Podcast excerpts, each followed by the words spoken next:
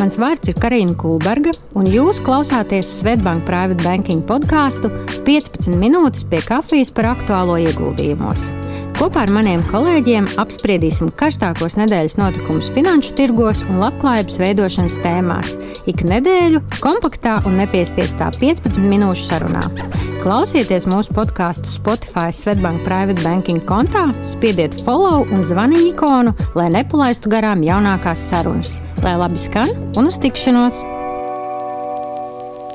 Labdien mūsu klientiem! Šodien tiekamies jau 10. novembrī un 28. epizodē. Šodien atgriezīsimies pie tēmas, ko aizsākām jau kopā ar manu kolēģi Sergeju Laboru, kurš šodien arī kopā ar mani. Sergei, čau! Čau, Karina! 18. epizodē runājām par to, kā uzvedības finanšu aspekti ietekmē to, kā mēs domājam par finanšu tirgiem, kā mēs uztveram veiksmus, neveiksmus. Toreiz runājām par to, kāda varētu būt finanšu tirgus tie šausmu un superlielie veiksmes stāsti. Un Sergejs arī daudz runāja par to, nu, ko nozīmē bailes no ieguldījumiem kopumā, kāpēc tādas eksistē un varbūt kā tās arī pārvarēt. Šodien arī gribam parunāt vēl par vēl pāris uh, finanšu šiem uzvedības aspektiem. Nu, došu vārdu sākumā Sergejs. Kuriem paskaties tu? -hmm. Jā, šodien turpinot stāstu par aizspriedumiem, nevaru nepastāstīt par tā saucamo confirmation bias. Nu, nosauksim to par uh, apstiprinājumu aizspriedumu, jo šis aizspriedums ietekmē lēmumu pieņemšanas procesu un principā visos iespējamos dzīves apstākļos, ne tikai par ieguldījumiem runājot.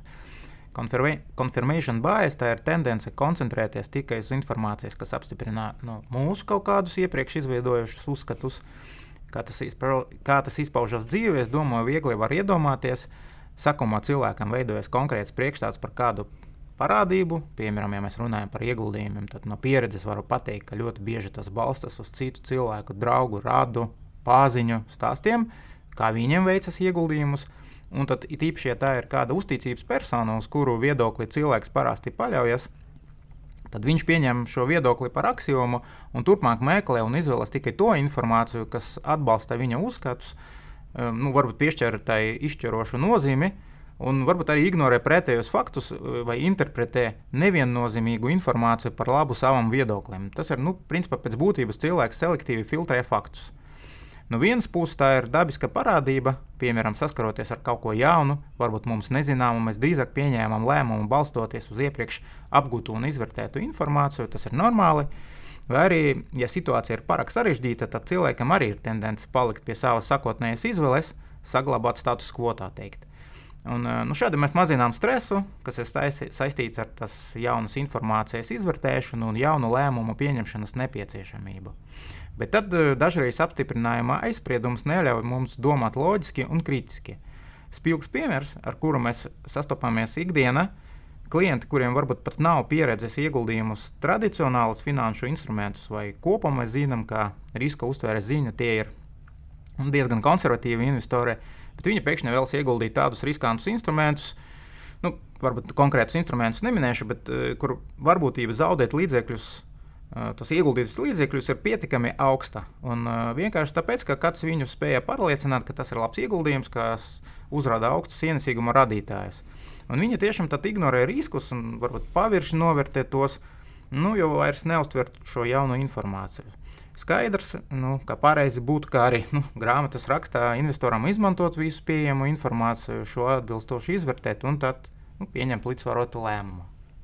Jā, tev taisnība. Te man jādomā uzreiz arī tiešām, kā tu pats sākumā minēji, ne tikai par ieguldījumu lēmumiem, bet droši vien arī par jebkuru citu dzīves lēmumu, kur mēs esam tajos savos burbuļos. Un vienmēr, protams, ir labi paskatīties arī varbūt uz ārpus tā burbuļa, kāda ir viedokļa citur. Finanšu tirgos tas pat zināmā mērā liekas vienkāršāk, jo ir nu, tik daudz dažādu pieejamu dati, atskaites, pētījumi, viss cits. Nu, reizēm, tad, kad iekrīt šajā tevis minētajā aizspriedumu, aizspriedumu tajā jūgā, tad eh, jāpaskatās ārpus tā burbuļa, kāda vēl dati ir pieejama, kāda vēl ir cita avoti, kas varbūt apskata vēl kādus citus mm. aspektus tieši par vai konkrēto instrumentu vai kaut kādu aktīvu klasi.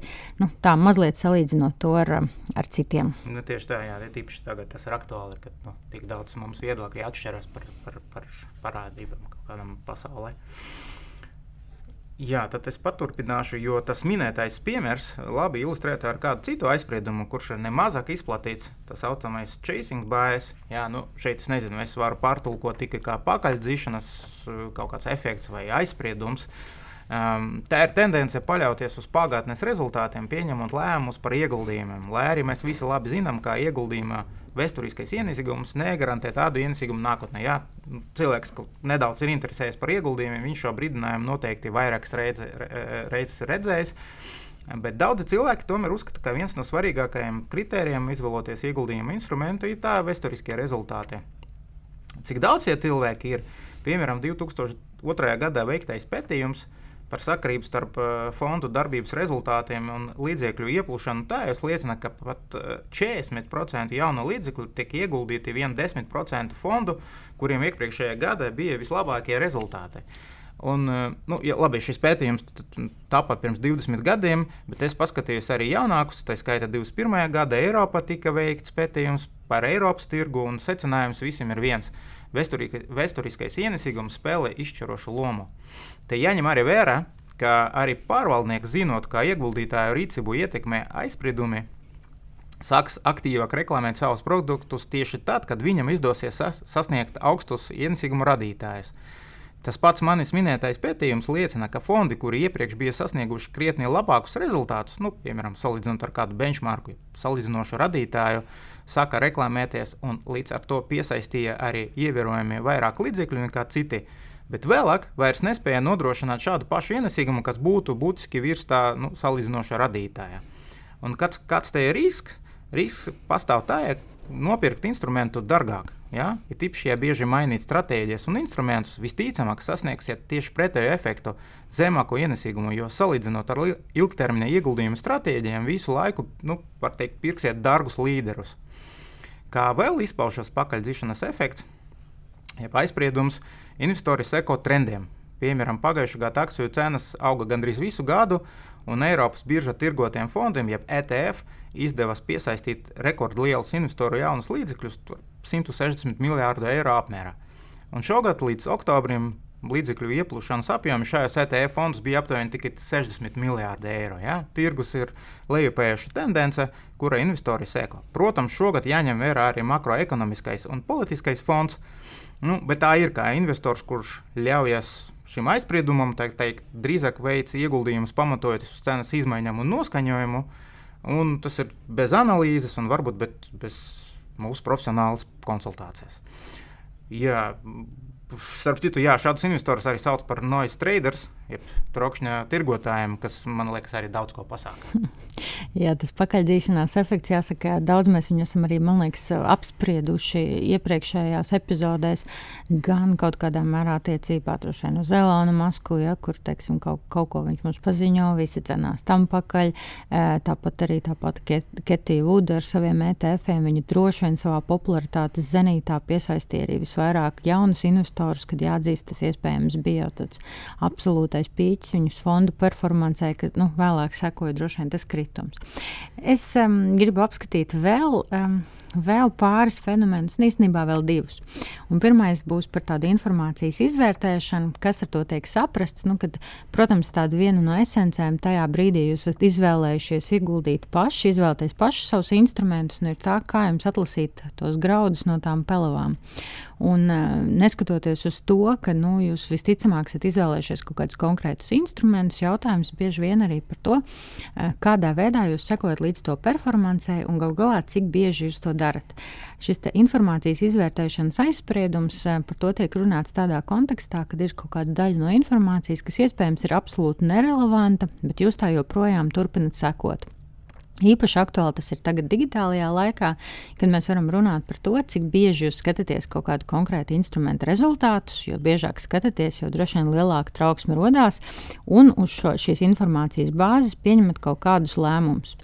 Un te, nu, šajā te aizspriedumā visbiežāk runā par to, ka nu, šī pieņemsim ikdienas akciju vērtības nu, staigāšana vai tā amplitūda bieži vien ir um, būtībā jums nesvarīga tajā gadījumā, ja esat ilgtermiņa investors, jūs esat izvēlējies izvēlējies šo konkrētu akciju ar kaut kādu savu pieņēmumu par tās ilgtermiņa attīstības iespējām. Jūs nesen iegādājāties to, ņemot vērā tam, ka jūs ticat, ka ilgtermiņā viņa augstā vērtība pieaugs, ka fundamentālie rādītāji ir labi.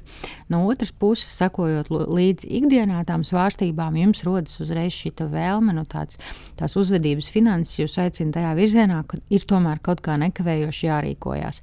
Pie kā tas visbiežāk noved? Tas noved pie tā, ka no tāda ilgtermiņa investora nereti varat kļūt par treideri, kurš tiešām seko šai ikdienas informācijai, kam iespējams ilgākā termiņā nu, nebūs bijusi nemaz tik milzīga loma. Ko ar šo iesākt, kā no tā izvairīties? Nu, iespējams, tajā brīdī, kad jūs veicat to pirmo ieguldījumu, apdomāt, kas būs tā vērtība akcijai tiešām līdz kurai krītoties jūs tiešām iesiet ārā no šī ieguldījuma. Noteikti pērkot šīs akcijas, padomājiet par to, kas ir tās fundamentālās lietas, nu, kādēļ jūs ticat tam konkrētajam instrumentam. Nu, un savus tos, protams, šos noteikumus, kā rīkoties, veidojiet labāk tās augtajos miera laikos, nevis sāciet veidot jaunas noteikumus tad, kad nu, kaut kādas svārstības eh, sāk iestāties. Otrs tāds fenomens, par ko gribu ļoti, ļoti īsi pastāstīt, ir tā sauktā mentālā grāmatvedība kas ar to tiek saprasts, ka mēs uztveram dažādus, dažādu e, naudas līdzekļus dažādi atkarībā no tā, kādā veidā mēs tos esam ieguvuši un kādā veidā mēs tos plānojam tērēt. Nu, tevis tipiskākais piemērs ir tāds, ka nu, kā, veids, kādā mēs rīkojamies, piemēram, ar savu drošības spilvenu, nu, to pašu faktiski naudu, kur mēs uzliekam savu ierobežojumus tam, ka mēs viņai nekad neskarsimies klāt, līdz nenotiks tiešām kāds liels ČP vai negadījums vai vajadzība. Pretēji tam, kā mēs rīkotos ar naudu, ko mēs iegūtu, pieņemsim bonusos, um, dāvanā dzimšanas dienā vai arī loterijā. Un te ir ārkārtīgi daudz šo pierādījumu, nu, ka nauda, ko mēs iegūstam, kā nevis regulāro algu, bet negaidītākā veidā mēs ar to rīkojamies daudz riskantāk, daudz savā ziņā viegliprātīgāk un nepielietojam tos pašus likumus, ko mēs lietojam tai naudai, savukārt, ko mēs saņemam ik mēnesi, piemēram, kā atalgojumā. Kā, te, kā šis fenomens izpaužās tad, kad mēs runājam par ieguldījumiem, tad te tiek izskatīt tādi divi jā, investoru veidi, divi investoru tipi. Mēs par tiem esam runājuši arī iepriekšējā epizodēs. Nu, investori, kas vairāk fokusējās teiksim, uz tādām izaugsmas akcijām, vai arī investori, nu, kas būtībā investē uzņēmumos, no kuriem sagaida regulāru ienesīgumu, uh, dividendžu veidā, nu, vai arī kur dod priekšroku, piemēram, obligācijām. Un tas, ko uzvedības finanses saka par šiem diviem investoru tipiem, investoru tips, kas, kas domā par investīciju kā par veidu, kā nu, sagādāt sev tādu mentālo mm, atbalstu nākotnes tēriņiem, tad tie ir tie investori, kas izvēlās ieguldīt šajās te, mm, šajos te instrumentos, kas viņiem nes regulāru ienesīgumu, nu, kā piemēram kādu regulāro dividendu vai re, regulāro kuponu. Nu, tā kā piemēram varētu teikt tā, nu, ka šie būtu tie investori, kas teiktu, domā tā, nu, man būtu nepieciešams nepieciešams mēnesī apmēram nezinu, tūk, pieņemsim 1000 eiro, lai sektu savus izdevumus. Tad, tad kādu instrumentu man vajadzētu izvēlēties, lai šis instruments, tas ienesīgums man tādu, tādu iespēju dot. Un tas, ko viņi sarēķina, nu, pieņemsim, viņiem tad, tad vajadzētu 12,000 gadā, viņiem vajadzētu nu, tādu, nezinu, tādu, tādu ienesīgumu, pieņemsim, 6% gadā, viņiem vajadzētu kādus 200 tūkstošus, ko viņi iegulda šādu te Igade, igadēju, nu, piemēram, dividendžu ienesīgumu, nu, un viņi var sev nodrošināt šo nosacīto nākotnes nu, izdevumu nosekšanas veidu. Savukārt tiem klientiem, kas par investīcijām domā, nu, par veidu, piemēram, kā ilgtermiņā to naudu uzkrāt, nevis varbūt tieši no tāda tēriņa perspektīva, tad tie ir tie, kas iegulda tajos mm, izaugsmas potenciālu uzņēmumos, kas diezgan reti maksā dividendus, bet vairāk šī vērtības pievienošana notiek tiešām no tāda ilgtermiņa uzņēmuma izaugsmas un vērtības pieauguma. Uh, lai gan tehniski, protams, um, abu divu, uh, kā lai saka, ieguldījums abu divu veidu instrumentos, nu, mēs sagaidām, ka ienesīgums būs no viena, gan no otra, bet fakts, ka vienā regulāri tiek maksāts dividends vai kupona, uh, šis ienākums nu, ieliek viņu mūsu galvās citā kategorijā. Lai kā atkal izvairīties no šī te, nu, šāda veida aizsprieduma kopumā, ja par visiem viņiem domā un liek tās galvas kopā, tad skaidrs, ka tie ir vēlamais ir no tās emocionālās naudas puses, lai izvairītos ieviest kaut kādus noteikumus, kaut kādus procesus, pēc kā viens jūs vispār izvērtējat, kas ir tas ieguldījums, ko jūs veicat, kāpēc, kāda ir jūsu tā motivācija sākotnējā posmā. Mazliet arī pāranalizēt un saprast, vai jau līdz šim jūs neesat uzķērušies uz kādas no uzvedību finanšu fenomeniem, pa ko mēs arī līdz šim esam runājuši.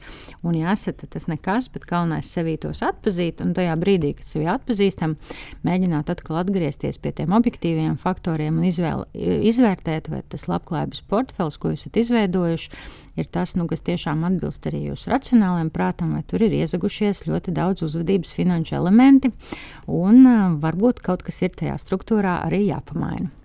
Nu tā, šodienai kaut kāda tāda saruna. Mhm. Paldies. Es, es varbūt arī jā. Jā, es varbūt eh, tāda maza, maza atrunā prasās, jā. Jā, lai, lai nerodas nepareizs priekšstats, jā, ka mēs, nu, mēs nepasakām, ka nav jāiegulda tirgus līderos vai nav jāiegulda aug, augšupējuša trenda, vai arī nav jāskatās rezultāti regulāri, vai jūs varbūt neesat pareizs investora tips un tā tālāk, un tā tālāk, vai ir nepareizi ieguldījuma instrumenti. Jā. Kā teica John Templetons, slavens brītu investors un fondu pārvaldnieks, remain flexible and open-minded about types of investments. Jā, nu, vienkārši ko mēs gribam pateikt, ka ieguldījumu lēmumiem nevajadzētu balstīties uz aizspriedumiem. Pirms veikt ieguldījumus ir jāveic atbilstoša, rūpīga izpēte. Jauna informācija jāvērtē loģiski un kritiski. Nu, un kā arī pagājušajā reizē mēs teicām, ka vienkārši jāmācās paraldīt savas emocijas. Jā, lai mums tas visiem izdodas. Paldies, Sergei, par sarunu. Vislabāk! Tā. Audio saturā dzirdētā informācija nav uzskatāms par ieguldījumu konsultāciju vai ieteikumu slēgt finanšu tirgus darījumus vai ieguldīt finanšu instrumentos. Paldies, ka noklausījāties mūsu sarunu šodien. Atgādinu, ka, lai nenokavētu jaunākās epizodes, spiediet follow un zvaniņu ikonu Spotify kontā Svetbank Private Banking, lai laba diena un uz drīzu tikšanos!